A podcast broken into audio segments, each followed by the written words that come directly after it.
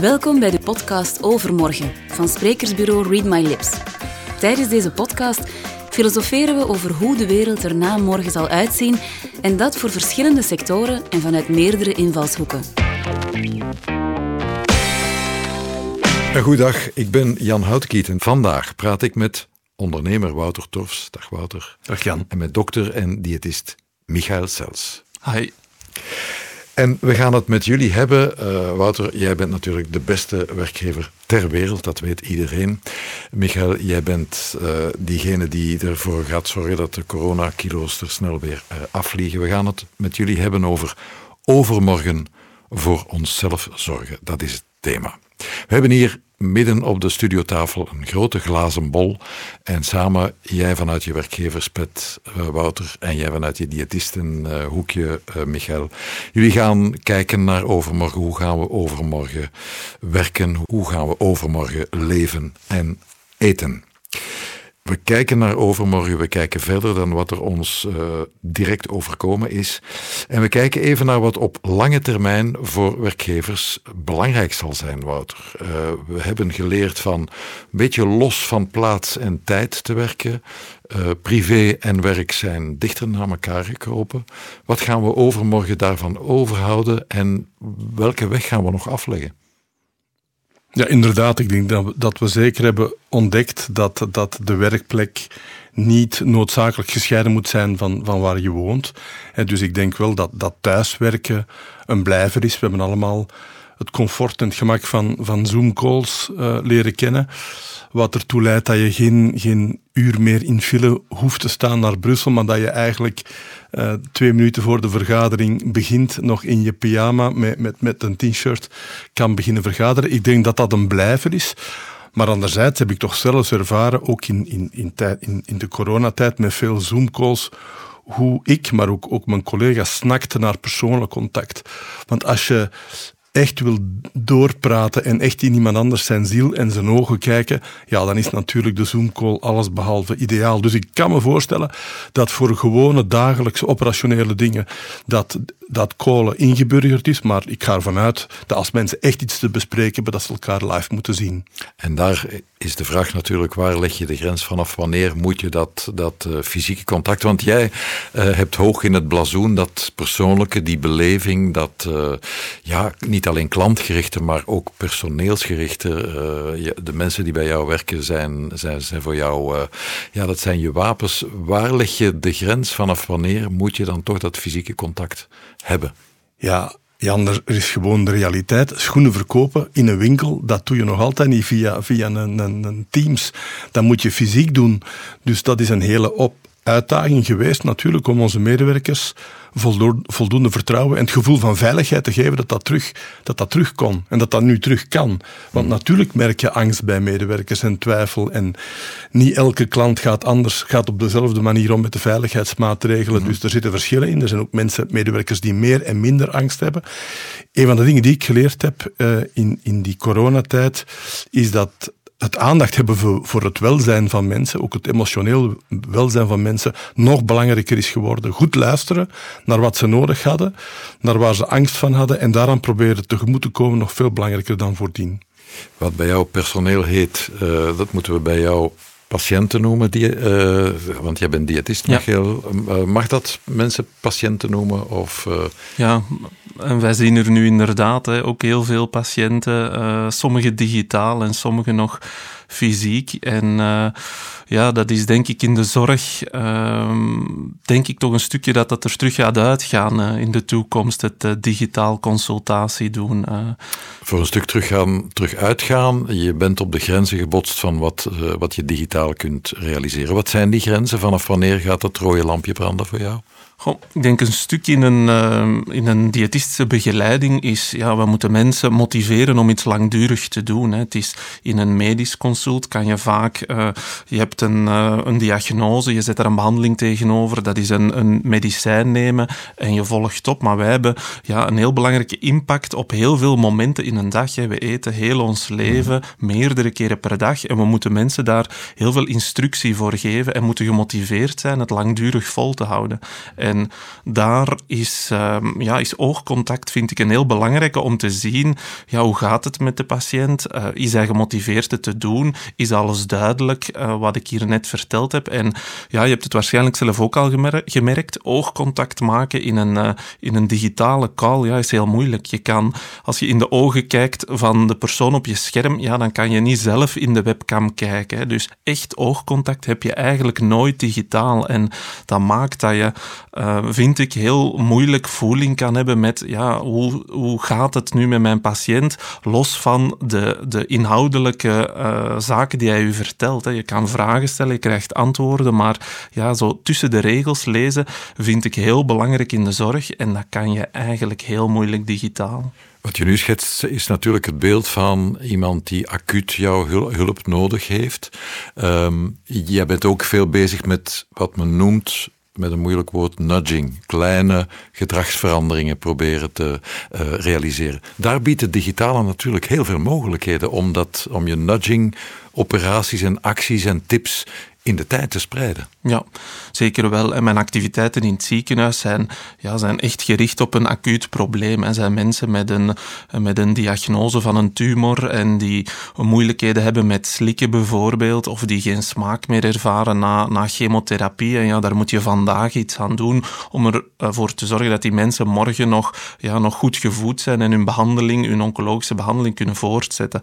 Maar ja, heel vaak naast mijn werk in het ziekenhuis, ja, probeer ik mensen te motiveren om de fitste versie van zichzelf te zijn, los van een, eh, een, een diagnose.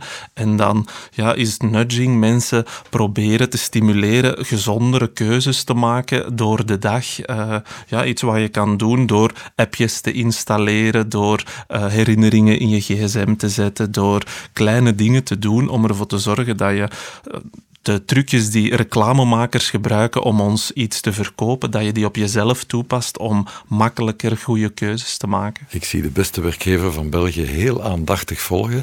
Uh, Wouter, ben jij op dat niveau met het welzijn van je medewerkers bezig? Als je iemand ziet die ja, niet goed in zijn vel uh, zit, ga je dan zover uh, van die man of vrouw misschien zelfs dieettips te geven? Ik heb me al aan veel gewaagd, Jan, maar, maar dieettips lijkt me nu misschien net een brug te ver, zeker als je mijn eigen postuur ziet.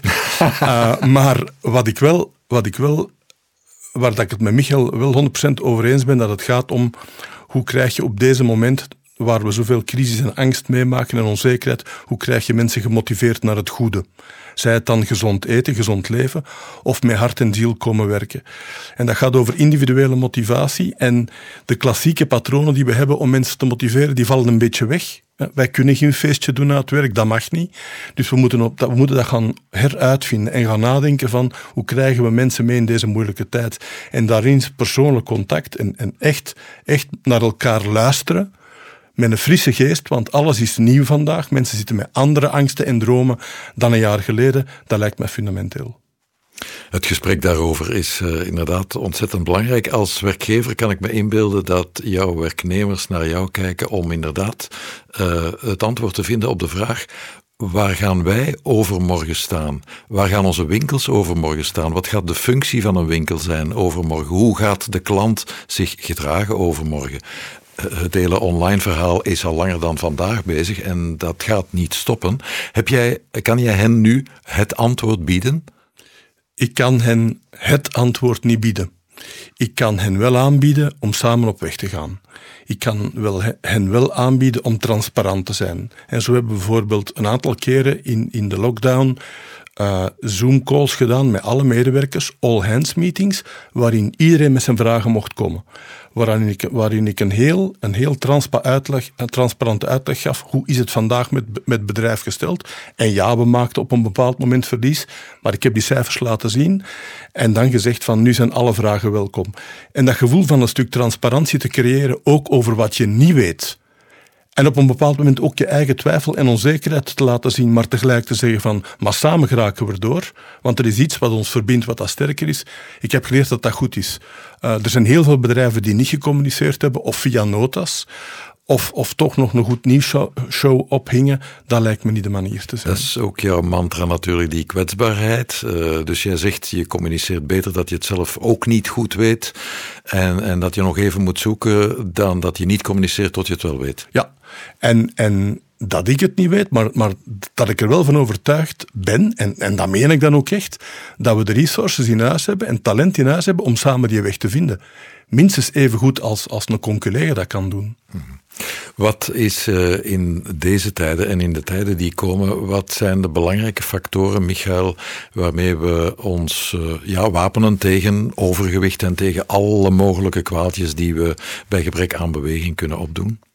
Ik denk eerst uh, zou het goed zijn als we allemaal terug geloven dat gezond eten dat dat simpel is. Het is, hoeft echt niet uh, heel ingewikkelde dingen te doen en dingen af te wegen en, en uh, naar speciale winkels te gaan voor iets te halen. Maar eigenlijk de basis van, van gezonde voeding, van gezond leven is eigenlijk heel eenvoudig. En um, ja, dat maakt het misschien minder sexy, maar uh, ja, het blijft zo. We weten dat al jaren.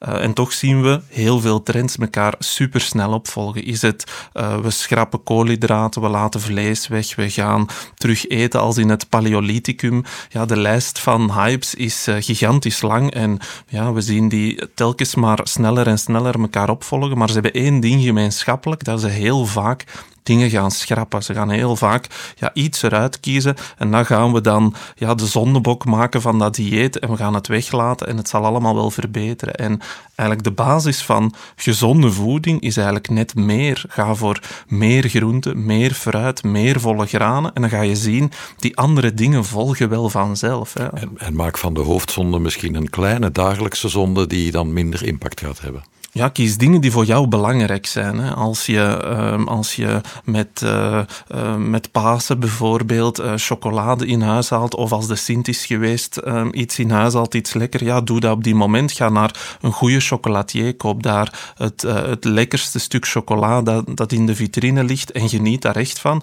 Maar ja, zet niet heel de maand december of heel de lente een grote kom chocolade op tafel, want ja, dan ga je het jezelf moeilijk maken om daar niet vijf keer per dag in te zitten. Of het is de ultieme test natuurlijk. Als je daaraan kunt weerstaan, dan ben je een echte held. ja, de test is er, is er denk ik altijd. Hè. We leven in een omgeving, uh, we noemen dat een obesogene omgeving. Ja, we worden heel de tijd gestimuleerd om, om, om te consumeren, meer te verbruiken. We kunnen in het midden van de nacht uh, een, een, een fietscourier aan de deur hebben met, uh, met nog een middernachtsnack. Er zijn winkels altijd open. Um, in stations zijn, zijn, zijn altijd auto's automaten zijn koffiezaken waar vroeger de tas koffie 125 milliliter was en nu halve liters soja latte frappuccino met, uh, met roze glitters bovenop. Ja, het is moeilijk om elke keer niet... Uh, dat niet te kopen, niet te consumeren. Uh, ja, en dan op het einde van de dag zien we dat heel veel mensen ja, toch een aantal keer iets hebben gegeten of iets hebben gekozen waar ze van denken, goh, heb ik daar nu echt van genoten? Was dat kwaliteit voor mij? Eigenlijk niet, maar het is, het is uh, een gewoonte geweest. Of ik ben in dat marketingtrucje ingetrapt. Het marketingtrucje, want dat is iets wat jij ons adviseert. Gebruik de trucjes van de marketeer. Nu hebben wij niet allemaal marketing gestudeerd en sommigen hebben daar zelfs een aversie van. Maar wat zijn de trucjes van de marketeers die ons bij het diëten en eten kunnen helpen? Ja. Bijvoorbeeld zien we dat variatie doet eten. Er is een um, leuk onderzoek waarbij twee groepen mensen um, werden getest met, M&M's. Dus de ene groep kreeg M&M's in één kleurtje en de andere groep kreeg M&M's in vijf verschillende kleuren. We zagen achteraf dat de groep die M&M's in vijf verschillende kleuren had gehad, er meer van had gegeten, terwijl de smaak identiek is. Het is gewoon de variatie in kleur dat mensen aanzet om er meer van te gaan eten drukke gebruiks in bioscopen. Hele lange muren vol met snoepjes. Ja, die zijn qua smaak niet altijd verschillend. Maar als je van elk snoepje één in die tipzak wil doen, ja, dan heb je op het einde veel gekocht. Kan je ook voor jezelf doen met gezonde dingen. Als je in huis enkel maar zes appels hebt liggen, ja, dan, uh, dan moet je er al zin in hebben. Maar maak een fruitmand met vijf, zes, zeven soorten fruit in en je gaat jezelf misschien kunnen verleiden er toch vaker iets uit te nemen. Of bij de warme maaltijd um, zet twee soorten groenten op tafel. Je gaat jezelf makkelijker kunnen verleiden van de twee soorten te proeven en je hebt uiteindelijk meer groenten gegeten.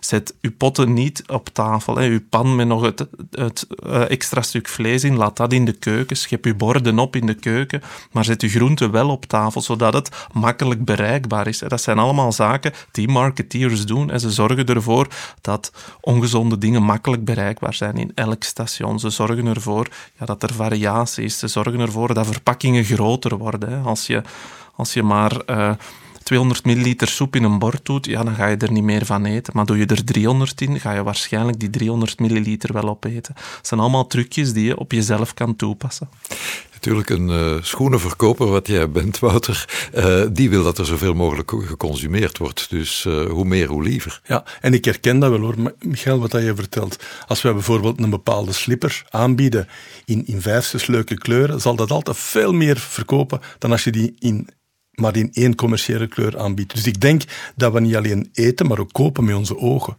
En dat we verleid worden door kleuren en, en door, door, door keuze. En gaan die, die vijf of die zes kleuren of variaties die je aanbiedt, gaan die dan in competentie, in, in concurrentie met elkaar? Of uh, ga, je er, ga je ervan uit dat eentje toch wel. Ja, wel, Jan, ik zal nu eens een van mijn, keuken, van mijn keukengeheimen uit de doeken doen. Dat is natuurlijk de commerciële kleuren. Hè. Bijvoorbeeld blauw of beige of, of, of, of, of, of goud zullen altijd, altijd sterker zijn dan lichtgeel en lichtgroen of paars. Dus dus, maar, maar het idee van er is veel keuze, je moet natuurlijk niet dezelfde diepte achter elke keuze steken. Dat doen ze waarschijnlijk bij de, bij de, bij de, in de filmzalen ook zo. Dat is, dat is een belangrijke. Eh, we kijken naar overmorgen samen met Michael Sels en Wouter Torfs. Wouter, de, uh, wat we daarnet zegden is bij de, de mix tussen digitaal en analoog, contact en overleg, komen meer en meer los van plaats en tijd. Kijk eens in die glazen bol en kijk eens naar overmorgen gaan wij ooit nog in kantoorruimtes werken zoals we dat uh, tot nu deden? Gaan wij ooit nog grote verkooppunten hebben zoals we die tot nu hadden? Of gaan we naar een heel ander landschap? En hoe ziet dat landschap er volgens jou uit? Dat is echt glazen bol, Jan, uiteraard. Uh, maar ik zou me toch op dit moment een beetje zorgen maken als ik een ontwikkelaar moest zijn van kantoor, grote kantoorprojecten, waarin dat je honderd mensen in één landschapskantoor stopt. Er is niet alleen het gevoel van, van onveiligheid, want ik kan me voorstellen na de vaccinatie dat er, dat er wel een stuk van, van veiligheidsgevoel terugkomt. Maar er is ook dat gemak eh, van, van thuis uitwerken, waarin dat mensen een combinatie kunnen maken tussen, tussen privé en, en hun werk. En niet nodeloos in de file hoeven te staan.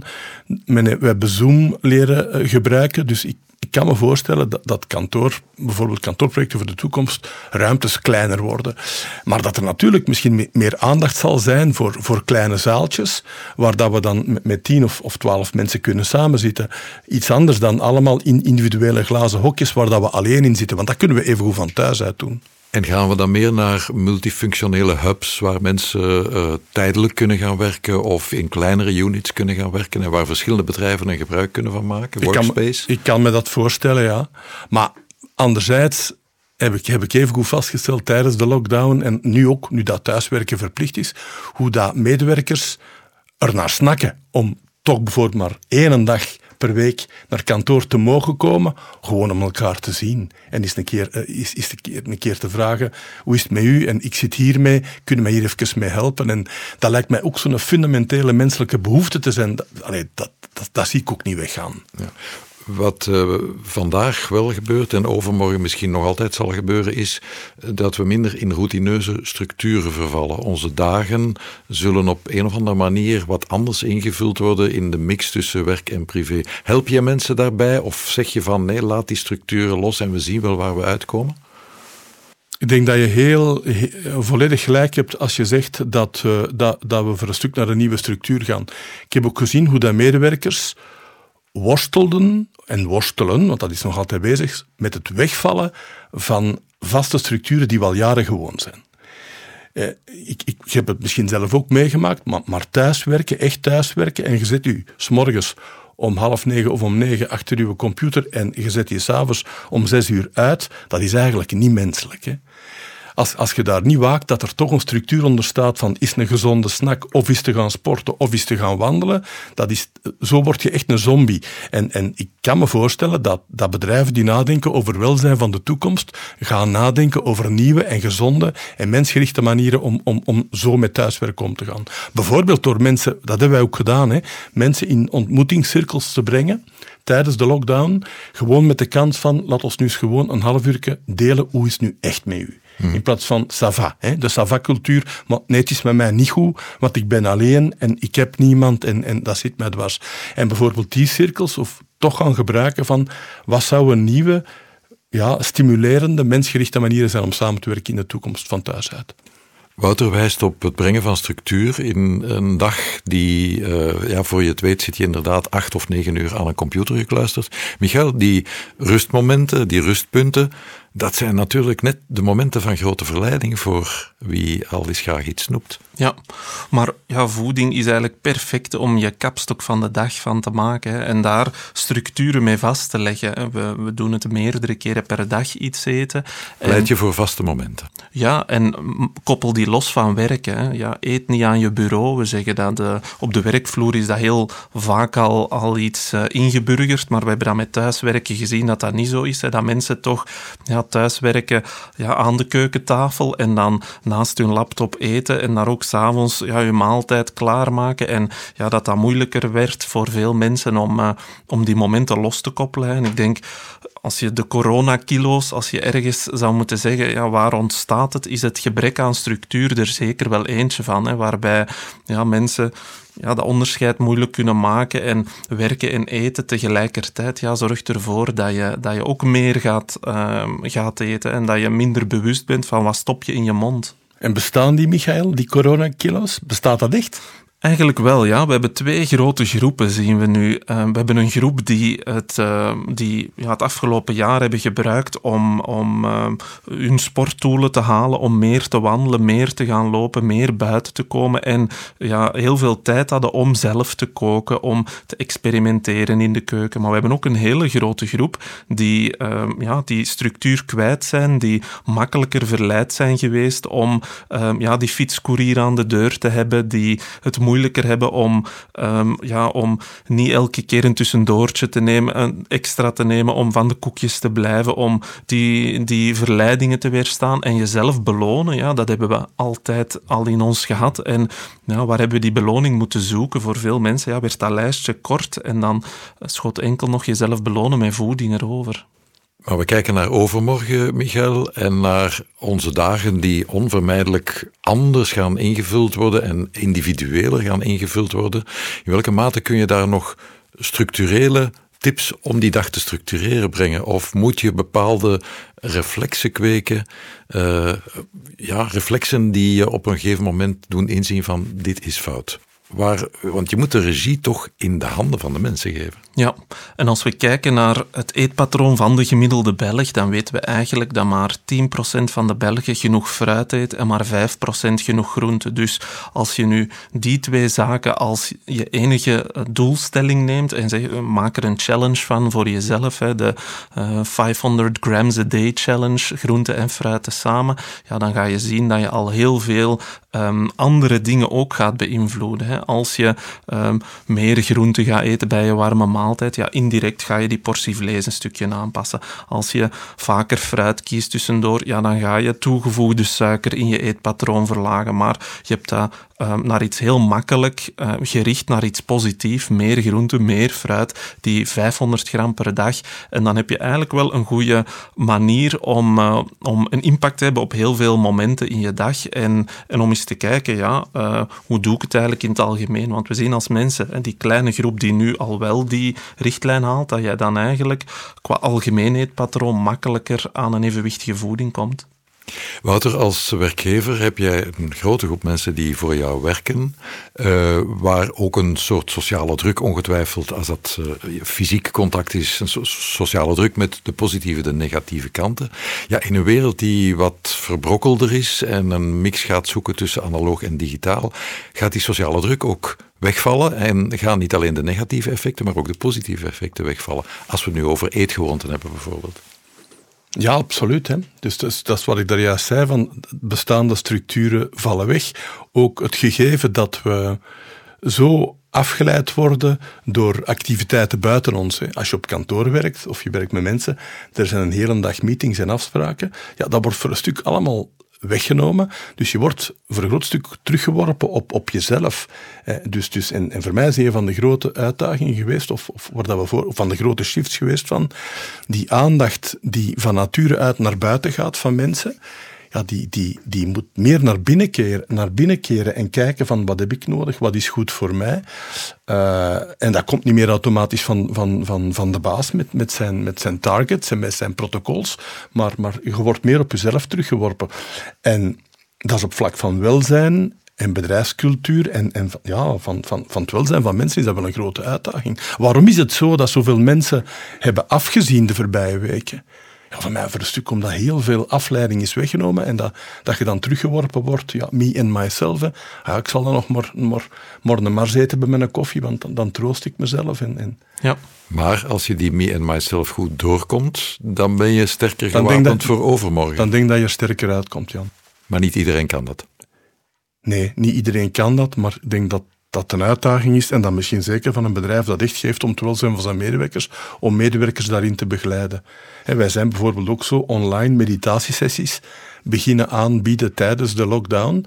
Waarom? Ja, omdat een van de ergste dingen wat daarmee mensen meemaakten was beginnen piekeren, angstgedachten, mijn bedrijf, de winkels, wat zal dat worden? Je leidt veel meer van je angstgedachten, van de gedachten, dan van, dan van wat er in feite aan het gebeuren is. Hè. Dus het is voor mij één grote ja, uitdaging om, om na te denken over wat betekent welzijn van mensen en van medewerkers in de toekomst. Michael, in eetgewoonte is die sociale druk, wat je in je omgeving ziet gebeuren, dat is natuurlijk wat mensen ertoe kan aanzetten om zelf ook anders te gaan leven. In een meer gedigitaliseerde wereld wordt dat een pak moeilijker. Hoe vang je dat op? Ja, ja, mensen delen heel veel nu wel hè, rond voeding. Ehm, ja, als ik uh, door mijn Instagram scroll, dan zie ik niks anders dan de bordjes van, uh, van heel veel mensen rondom mij. Het ziet er niet altijd even appetijtelijk uh, uit. Nee, maar eh, dus dat delen nog wel heel veel mensen. Maar ik denk, ja, soms voeding en belonen niet altijd samenzetten. En er zijn heel veel andere manieren om, om, uh, om jezelf te belonen, om um, jezelf te ontspannen, af te leiden. Want ja, dat, dat emotioneel eten is echt wel iets wat, uh, um, ja, wat in ons zit. We doen dat ook als we iets te vieren hebben. Ja, dan, dan klinken we graag. Als er een, uh, een begrafenis is, is daar een koffietafel bij. Um, ja, dat zijn dingen die we in ons hebben, die we in onze cultuur hebben zitten. Maar probeer toch ja, je uh, jezelf niet altijd daarmee af te leiden. Neem een warm bad, uh, koop een goed boek. Uh, ja, doe iets anders om jezelf af te leiden en te belonen. Omdat je ja, die emotionele trigger voor ehm, om ja, dingen in je winkelkart te leggen niet altijd de goede is. Dat is net hetzelfde als je met een lege maag gaat winkelen en ja, dan maak je niet altijd de beste keuzes. Als je met een uh, um, emotioneel leeg door de winkel loopt, ja, doe je dat ook niet. Dus um, dat zijn dingen, ja, als je die, die uh, triggers kent bij jezelf, ja, dat je daar aandacht voor kan hebben en kan weten van, oh, ja, hoe komt nu dat ik dat gedrag heb gesteld? Waar, uh, hoe kan ik dat voor zijn volgende keer? Hoe kan ik daarop anticiperen? En eigenlijk um, ja, is dat vaak al het beste trucje voor jezelf om te zien uh, hoe kan ik dat in de toekomst minder, uh, minder hebben. We kunnen vandaag de dag alles fysiek scannen wat er aan ons lichaam niet goed gaat. Wouter Torfs, ik zou denken dat een goede werknemer zichzelf ook psychologisch op een gegeven moment laat scannen en zijn sterktes en zijn zwaktes kent. Hoe ver wil, kan een werkgever daarin gaan? Goh, dat gaat natuurlijk heel ver, hè? maar ik denk als je al. Want dat kan snel bedreigend overkomen. Ja, dat, kan, dat kan snel bedreigend overkomen. Dat kan ook een fundamentele inbreuk op privacy zijn, om maar iets te zeggen. Maar als je al minstens een, een klimaat installeert waarin het welkom is om te zeggen: het gaat niet goed met mij en ik, ik heb u nodig of ik heb dat van u nodig, dan denk dat je als werkgever of, of, of in een familie of, of in een buurt of als buurt dat je al heel veel doet. En, en laat, ons, laat dat misschien een van de, van de grote hoop zijn die, die uit de coronatijd komt, dat we daar meer aandacht hebben voor gekregen. Dus al wat we nu zien van warmste week en zo, gaat dat, heeft toch heel veel terug te maken met aandacht hebben voor elkaar en elkaars noden. En waarom zou je er als werkgever uh, niet gewoon volop aan participeren? We kunnen toch niet doen alsof we daar blind voor zijn? En moeten wij dat als uh, vriend, kennis, familielid ook doen ten opzichte van mensen van wie de eetgewoonten of de bewegingsgewoonten ons niet zo goed lijken? Moeten we hen daarop aanspreken, Michael? Probeer samen dingen te doen. Hè. Dat is, uh, als, we, uh, als je wil dat je zoon of dochter gezonder gaat eten, meer groenten aan kinderen promoten bijvoorbeeld, ja, dan is het een van de belangrijkste dingen die je kan doen, het goede voorbeeld geven en zelf uh, die keuze maken. Dat kan je ook met mensen in je omgeving. Als je ehm, denkt van, oh, die mensen hebben, hebben nood aan, aan een goede babbel, ja, moet je niet wachten totdat die mensen u aanspreken, maar ja, neem zelf actie en ga zelf dat gesprek kan je ook samen bewegen, samen sporten werkt beter dan, dan uh, een paar gewichtjes uh, thuis in je garage leggen en het daar helemaal op je eentje doen. Er zijn weinig mensen die het dan kunnen volhouden. Dus probeer uh, een motivator te zijn voor iemand anders kan ook heel motiverend werken voor jezelf als je ziet dat anderen rondom u ja, geïnspireerd zijn door, door het gedrag dat jij hebt. Maar moeten we daar overmorgen misschien wat proactiever en bijna wat agressiever mee omgaan? Zoals je elkaar bijvoorbeeld wijst op taalfouten, wijs je elkaar op dat kilootje te veel dat er aangevlogen is, of uh, dat uh, buikje dat wat begint te hangen. Ik denk niet dat we daar uh, een ommekeer gaan, uh, gaan bekomen. Een op twee van de Belgen is helaas uh, te zwaar. En we weten dat daar heel veel gevolgen aan zijn. En zo weten we bijvoorbeeld ja, dat 30% van de kankers dat we die zouden kunnen vermijden door een gezond gewicht en, en meer beweging. En dat zijn dingen, dat weten we. Hè. Als we spreken met mensen die die, die strijd al lang voeren um, van hun gewicht, ja, die mensen weten dat dat geen voordelen heeft voor onze gezondheid. Dus ik denk mensen daarop wijzen dat dat weinig uithaalt, maar mensen tools geven om het beter te doen, om ergens begeleid te worden, dat dat iets is wat we kunnen doen. En ik hoop dat de overheid bijvoorbeeld daar een belangrijke partner in kan zijn, hè, want tot op vandaag bijvoorbeeld zijn enkel nog maar kinderen die een uh, terugbetaling genieten voor een, uh, voor een uh, traject bij een diëtist. Voor volwassenen bestaat dat nog altijd niet. En ik denk dat dat nog de reden is dat heel veel mensen ja, zich laten verleiden tot tot een andere hype en zien wat de Kardashians aan het doen zijn of uh, wat Adele aan het doen is en dan heel snel um, ja, dat traject mee inslaan. Terwijl ja, dat ik denk de overheid daar een belangrijk stuk in kan hebben om ja, een klein beetje eh, richting te geven aan uh, de vraag die veel mensen hebben. Hè, want uh, nou, iedereen is wel wat met gezondheid bezig, maar ja, wat, wat mag ik nog eten vandaag en wat kies ik beter wel? Ja, dat is toch een vraag die bij veel mensen leeft. Niet bij iedereen. Wat doe je met de non-believers? Laat je die aan de kant staan? Hoe krijg je die mee aan boord? laten zien dat het werkt, denk ik. Uh, want heel veel mensen zijn ook wel het vertrouwen in voeding uh, een stukje kwijt. Hè. Door de vele hypes die er zijn, door veel dingen die mensen al geprobeerd hebben, ja, zijn er echt veel mensen die zeggen, ja, ja wat moeten we nog geloven en wat werkt er nog wel, wat werkt er niet. En uh, ja, dat is, dat is heel terecht, hè, want ja, voedingswetenschap is een relatief jonge wetenschap. Hè. Dat gebeurde vroeger, zoals er onderzoek gebeurde naar, uh, naar medicatie. Er werd gekeken naar wat is het effect van een stofje. Uh, bijvoorbeeld, uh, wat is het effect van omega-3 op hart- en vaatziekten. Maar uiteraard, ja, we eten geen omega-3. We moeten gaan zien, en dat gebeurde dan in later onderzoek, naar wat is het effect van bijvoorbeeld olijfolie, waar veel omega-3 in zit op hart- en vaatziekten. En eigenlijk, de stap die we nu aan het doen zijn al een aantal jaren, wat is het effect van een mediterraans eetpatroon op hart- en vaatziekten. Maar we zien dat heel veel uh, harde roepers in de voedingswereld, verkopers van voedingssupplementen bijvoorbeeld, ook uh, ja, die oude studies, die oude methoden nog bovenhalen om dan te zeggen, ja, maar hier, dat stofje, daar gaan we op inzetten. En dat stofje, ja, ik verkoop dat nu ook net in een tablet, kom dat bij mij halen en je gaat zien, zonder iets te veranderen gaat het allemaal beter gaan. En ja, dat is niet zo. Hè. Dus ja, ik denk op opnieuw naar de basis, geloven dat gezond eten simpel is en uh, dan zijn we echt al goed op weg. Wouter Torfs, de werkgever van Overmorgen, die moet in zijn HR-afdeling minstens één diëtist aan boord hebben. En dat zal de oplossing zijn voor veel problemen, als ik dit hoor. Ja. Ja, waarom niet? Mens sano in, corpore sano. Dus, dus als, je, als je aandacht hebt voor het, het mentaal en het emotioneel welzijn van, van medewerkers, moet je dat ook zeker hebben voor, voor het fysieke welzijn. Dus wij hebben destijds al, al workshops aangeboden, gezond koken en start to run. Maar je moet er natuurlijk mensen in meekrijgen. En in die zin, Michael, ja, is het denk ik voor uw boodschap geen gemakkelijke tijd, want we zien allemaal af of het is niet gemakkelijk en dan, dan is voeding vaak een vorm van troost. We, we spreken eh, niet voor niks van, van comfort food voeding die ons troost, maar comfortfood slash, dat is, dat is niet direct de meest gezonde voeding. Hè. Voor andere mensen is cultuurtroost of is sporttroost. zeker, maar dat zijn dan wel, denk ik, gezondere vormen van troost dan, dan die comfortfood. Dus ik, ik, ik, kan me voorstellen dat er op dit, deze moment veel naar comfortfood is terug, teruggegrepen.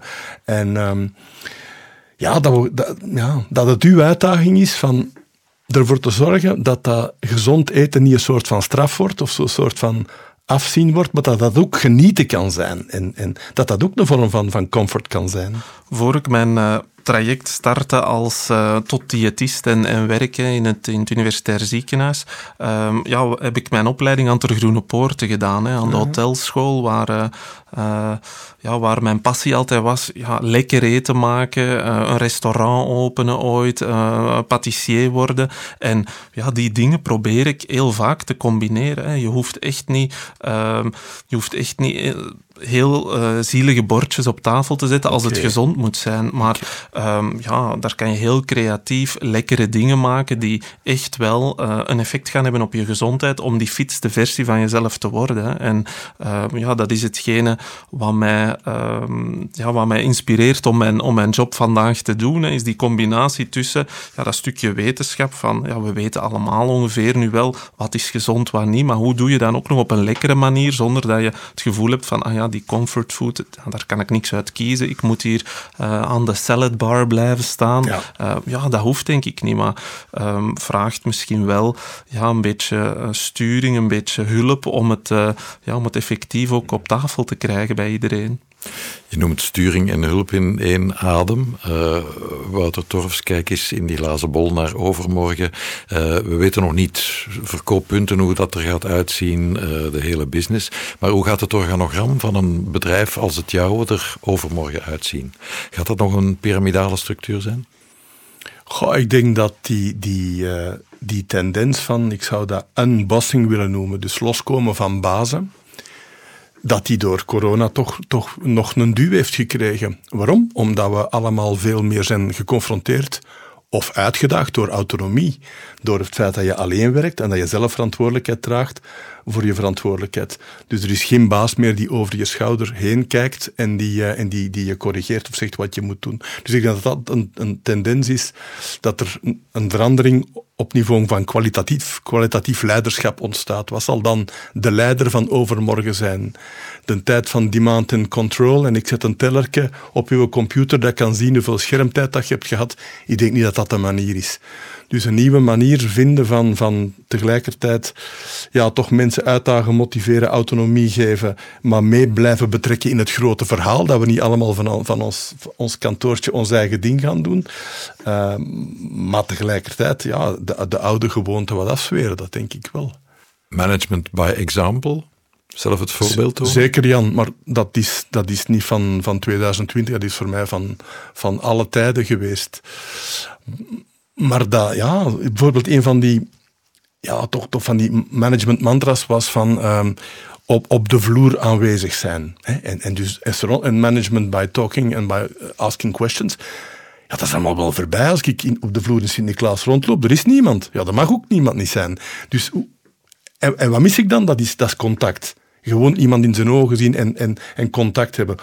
Ik weet vandaag niet hoe, hoe, we dat gaan, hoe we dat gaan oplossen. Ik kan nog gelukkig wel in de winkels komen, als ik niet tegengehouden word door, door de politie die dat geen essentiële verplaatsing vindt. Maar dat persoonlijk contact, als dat wegvalt, dat, dat zal ongetwijfeld impact hebben op leiderschap, leiderschap van de toekomst. Mhm. De geneeskunde van overmorgen, ehm, die voor, een stuk ook nu uh, moet door de omstandigheden digitaal gebeuren. Hè. Een huisarts zal al sneller zeggen, ik doe een telefonisch consult dan je komt bij mij in de praktijk zitten. zie je dat werken, Michael? Hoe gaat dat werken? Een stuk zeker wel. En als ik zie welke uh, sprongen er zijn genomen in, in teleconsultatie en bijvoorbeeld in telemonitoring, ja, zien we echt uh, hele mooie dingen die ontwikkeld zijn en die nu gebruikt worden, waar we uh, ja, vijf jaar geleden ja, niks in beweging kregen en dat we nu bij een, een 94-jarige patiënt die thuis zondevoeding krijgt omwille van een, van een niet meer kunnen slikken, dat hij toch perfect op zijn uh, smartphone ons kan laten weten hoe het gaat met zijn zondevoeding. Of een, uh, een patiënt met suikerziekte die, die we kunnen volgen thuis uh, eh, 24-7. Als er een probleem is, weten we, ja, is dat, waar zit het probleem? Terwijl vroeger we vaak dagboekjes meekregen en, en mensen terugzagen op de raadpleging met heel veel notas en dat we daar nu toch echt grote stappen hebben ingezet. Um, denk ik echt dat een, iets is wat we moeten vasthouden en zien dat dat niet verdwijnt. En ja, de momenten waar, uh, waar we echt voelen dat het uh, persoonlijk contact, dat het elkaar in de ogen kijken, dat, uh, dat we dat nodig hebben om een goede diagnose te stellen of een goede begeleiding te doen, ja, daar moeten we echt terug de mensen zien. Maar al die andere ballast, ja, die, die kan er hopelijk uitblijven, ook overmorgen. Mhm. Moeten we de mensen die vandaag nog op de schoolbanken zitten ook al beter wapenen en informeren voor hoe gedraag je je, hoe eet je, hoe beweeg je later om gezond te blijven? Dat gebeurt op school nu nauwelijks zijn wel de obligate lichamelijke opvoedinglessen, maar daar stopt het ongeveer. Ja, denk ik zeker wel. Um, ik spreek zelf uh, vaak, uh, geef ik uh, gastcollege aan de opleiding geneeskunde van de Universiteit Antwerpen bij de verschillende specialisaties. En dan kom ik voor een groep net afgestudeerde artsen die zich specialiseren in bijvoorbeeld kindergeneeskunde. Ja? En dan merk je dat zo'n groep jonge artsen eigenlijk nog maar heel beperkt iets heeft gehoord rond voeding, voeding van het jonge kind bijvoorbeeld hoe, hoe pak je dat aan en wel, wel heel exact weten, medisch, wanneer is het toegelaten om, om gluten te geven aan een, aan een jong kind. Maar eigenlijk ja, de finesse van, van gezonde voeding, hoe pak je dat nu aan bij een kind? Hoe pak je aan slechte eters bijvoorbeeld? Hoe ga je daarmee om? Ja, dat dat dingen zijn waar nog maar weinig over gesproken is. En eigenlijk, dat zijn dan al afgestudeerde artsen die aan het specialiseren zijn. Ja, zou je veel vroeger daar al iets uh, moeten kunnen ronddoen. Hè. In de lagere school, in het middelbaar onderwijs. Ja, het is iets waar, uh, waar impact te maken is op heel veel gebieden en waar ik denk dat zelfs een besparing voor een overheid kan inzitten als je meer inzet op preventie daar. Ik speel de bal even door naar Wouter Torfs. De mensen die vandaag geschoold, gevormd worden. In welke mate moeten die ook leren, meer misschien nog dan vandaag, hun werk autonoom te organiseren, zodanig dat ze dat efficiënt doen en toch een tevredenheidsgevoel mm. Ja, dat zullen ze zeker moeten leren. Uh, en dat zal niet zo makkelijk zijn, want, want als iemand structuur brengt, dan, dan, dan is dat veilig, dan hoef je dat maar te volgen. Anderzijds ben ik er ook van overtuigd dat autonomie een van onze basisbehoeften is om gemotiveerd te zijn. Het gevoel van ik heb voor een stuk mijn eigen lot en mijn werk in handen. Dus er lijkt mij, er lijkt mij wel een uitdaging in te zitten voor HR-services, voor coaches, voor, voor uh, advies, adviesbedrijven, om eens na te gaan van dat werken in de toekomst, dat mensen meer autonomie geeft. Hoe gaan we daar, ja, hoe, welke visie gaan we daar ontwikkelen? Komt het werken van het verleden ooit terug, denk je? Zijn er dingen die we bij zullen houden? Goh, Jan, als je natuurlijk schoenen verkoopt in een winkel eh, eh, dan hoop ik dat de, dat de klanten er van vorig jaar uh, in, in, in dezelfde getalen zullen terugstaan als het vaccin er is en mensen zijn gevaccineerd. En dat gevoel van we hebben het coronavirus overwonnen, als dat, als dat er is, kan ik me voorstellen dat voor een aantal jobs dat niet verandert. Maar, maar andere jobs, kennisjobs op, op een kantoor, dat lijkt me echt wel anders te zijn in de toekomst. Dus ik hoor je toch zeggen, ik verlang terug naar de tijd die, die lijkt voorbij te zijn. Maar, Is dat niet een beetje kop in het zand steken? Ik, ben dan ook een 62-jarige CEO die nu ook door corona misschien net iets harder tracht naar, naar zijn pensioen dan, dan daarvoor. Dus ik, ik ga heel aandachtig luisteren naar wat dat jonge mensen daarover te zeggen en wat er leeft bij mijn medewerkers. Veel eer dan mijn gedachten door te drukken. Maar dat blijft toch ook zoiets van, van een basisbehoefte dat we het fijn vinden van persoonlijk contact hebben dat gaat die corona toch niet veranderd hebben, denk ik dan. Voel je bij je jongere eh, medewerkers, je jonge, de, mensen die werknemers die bij jou werken, uh, zijn die flexibeler, makkelijker voor verandering te tillen dan de oudere generatie? Klopt dat beeld van hoe ouder je wordt, hoe strakker in de leer je wordt, hoe meer je aan de zekerheden vasthoudt? Ja, maar evenzeer zie ik bij de jonge medewerkers die nu verplicht moeten thuiswerken, toch ook absolute signalen van dat ze het fijn vinden van toch nog een dag naar kantoor te mogen en te kunnen komen. Dus ik denk dat op dat vlak die basisbehoefte van, van sociaal contact en fysiek contact, dat dat zo universeel menselijk is, dat dat niet gekoppeld is aan, aan, aan een leeftijd. Zie jij in je dieetadvies, Michael, een soort generatie kloofloper? Raak je je tips makkelijker kwijt aan een jongere generatie dan aan de boomers die Wouter en ik zijn? Goh, uh, ja, hoe dat je mensen moet bereiken, de kanalen zijn misschien wel anders. Ik denk uh, de, de uh, Instagram-pagina's over, uh, over gezonde voeding ja, zijn niet te tellen. En daar denk ik dat de, ehm, ja, de leeftijdscategorieën die daarop zitten, maar dat die misschien wel wat jonger zijn. Ehm, maar ja, ik denk dat iedereen ondertussen toch echt veel digitaler is geworden. Zoals ik net zei, ja, die 94-jarige patiënt ook met zijn smartphone. Ja, wij volgen nu heel veel mensen digitaal. Um, en eigenlijk zien we daar weinig, uh, weinig moeilijkheden om, om mensen op die manier te begeleiden, um, berichten te sturen, op te volgen. En ik denk, ja, die aanpassingen heeft iedereen moeten maken en, en um, ja, zullen ons, ons helpen flexibel te blijven en, uh, en ja, jezelf eens tegen het licht houden af en toe, is daar, uh, is daar zeker niet slecht. Maar mensen die zich willen informeren, kunnen geïnformeerd raken en raken misschien overgeïnformeerd en vinden altijd wel een argument om te zeggen: ach, het steekt zo nou niet, want professor die of dokter die zegt dat. Zeker. We noemen dat de cherrypicking. Als je in de zomer onder een, uh, onder een kersenboom gaat staan, ja, dan zie je daar een aantal hele mooie rode kersen tussen zitten en een aantal nog gele. En je gaat die rode ertussen uithalen. En mensen doen dat met voedingsadvies of in de wetenschap heel vaak. Hè. Je haalt die adviesjes eruit, die, die passen in, in hetgene wat je haalbaar ziet voor jezelf of in jouw verhaal. En die andere dingen, ja, daar spreek je even niet over. En nou, we zien dat zo vaak. Hè. De, de patiënt die soms op de raadpleging komt met een uh, ochtendurine die roze is van rode bietensap, naar uh, sinaas ruikt van de vitaminesupplementen. Mij zegt, ik drink geen melk meer, dus ik ben toch supergoed bezig, maar toch 120 kilo weegt, een suiker heeft van 400 en ja, niet weet wat het probleem is. Hè.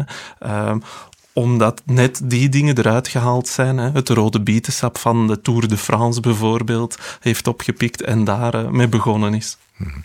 In het uh, bedrijf van overmorgen, uh, Wouter, wil je nog altijd zelf als bedrijfsleider kwetsbaar zijn en ook luisteren naar wat, uh, wat de mensen bezighoudt en hoe zij leven. Is dat wat de bedrijfsleider van overmorgen nog veel meer dan vandaag moet doen? die werknemer recht in de ogen kijken en, en niet alleen zeggen hoe gaat het, maar doorvragen. Ik denk dat wel, omdat ehm, ja, toch een aantal zaken fundamenteel veranderd zijn en dat we niet kunnen terugvallen op de oude routines en de oude patronen. Uh, dus ik denk dat dat proces wel eens in een stroomversnelling zou, zou kunnen, kunnen komen. En ik geloof ook dat, gelet op die, die onzekerheid, die, die er ook overmorgen zal zijn, want laten we wel wezen, ik denk dat er een stuk economische onzekerheid ook overmorgen nog zal zijn, is voor mij tegelijkertijd een appel op nog een groter belang van de bedrijfscultuur. Van hoe dat mensen met elkaar omgaan, elkaar recht in de ogen durven kijken en, en zeggen wat er, wat er te zeggen is, dan gewoon op routine te varen en te zeggen van we hebben het al twintig jaar zo gedaan, we gaan het zo blijven doen. Dus, dus in die zin prijs ik me gelukkig dat, dat, dat we bij Torres die sterke bedrijfscultuur hebben. Dat is leuk als alles goed gaat, dan, dan, dan, dan zie je dat aan de feestjes en aan de, aan de buitenkant. Maar als het niet goed gaat, dan zie je dan de binnenkant. Dan zie je de mensen die elkaar durven digitaal vastpakken en vragen hoe is het, wat kan ik doen voor u? En ik denk dat dat fundamenteel is. En moet je dus in het organogram van overmorgen een geluksmanager hebben in plaats van een HR-manager? Ah, ik denk dat je in eerste instantie een CEO moet hebben die, die, die van dat gedachtegoed doordrongen is en dat eigenlijk uitstraalt en doorgeeft in de organisatie. En vooral naar de, naar de leiders in de organisatie. Diëtist Michael Sels, bedrijfsleider Wouter Tors, mag ik jullie van harte danken voor een babbel over overmorgen voor onszelf zorgen. Het was moeilijk natuurlijk in die glazen bol kijken. Bent u nieuwsgierig naar meer? Bekijk dan zeker eens readmylips.be. Daar vindt u alle informatie voor een volgend fysiek of online event en ook meer over sprekers als Wouter Tors en Michael Sels of moderatoren zoals ik. Bedankt en tot later. Beluister alle podcasts van Overmorgen op Soundcloud of Spotify. Met veel plezier aangeboden door sprekersbureau Read My Lips.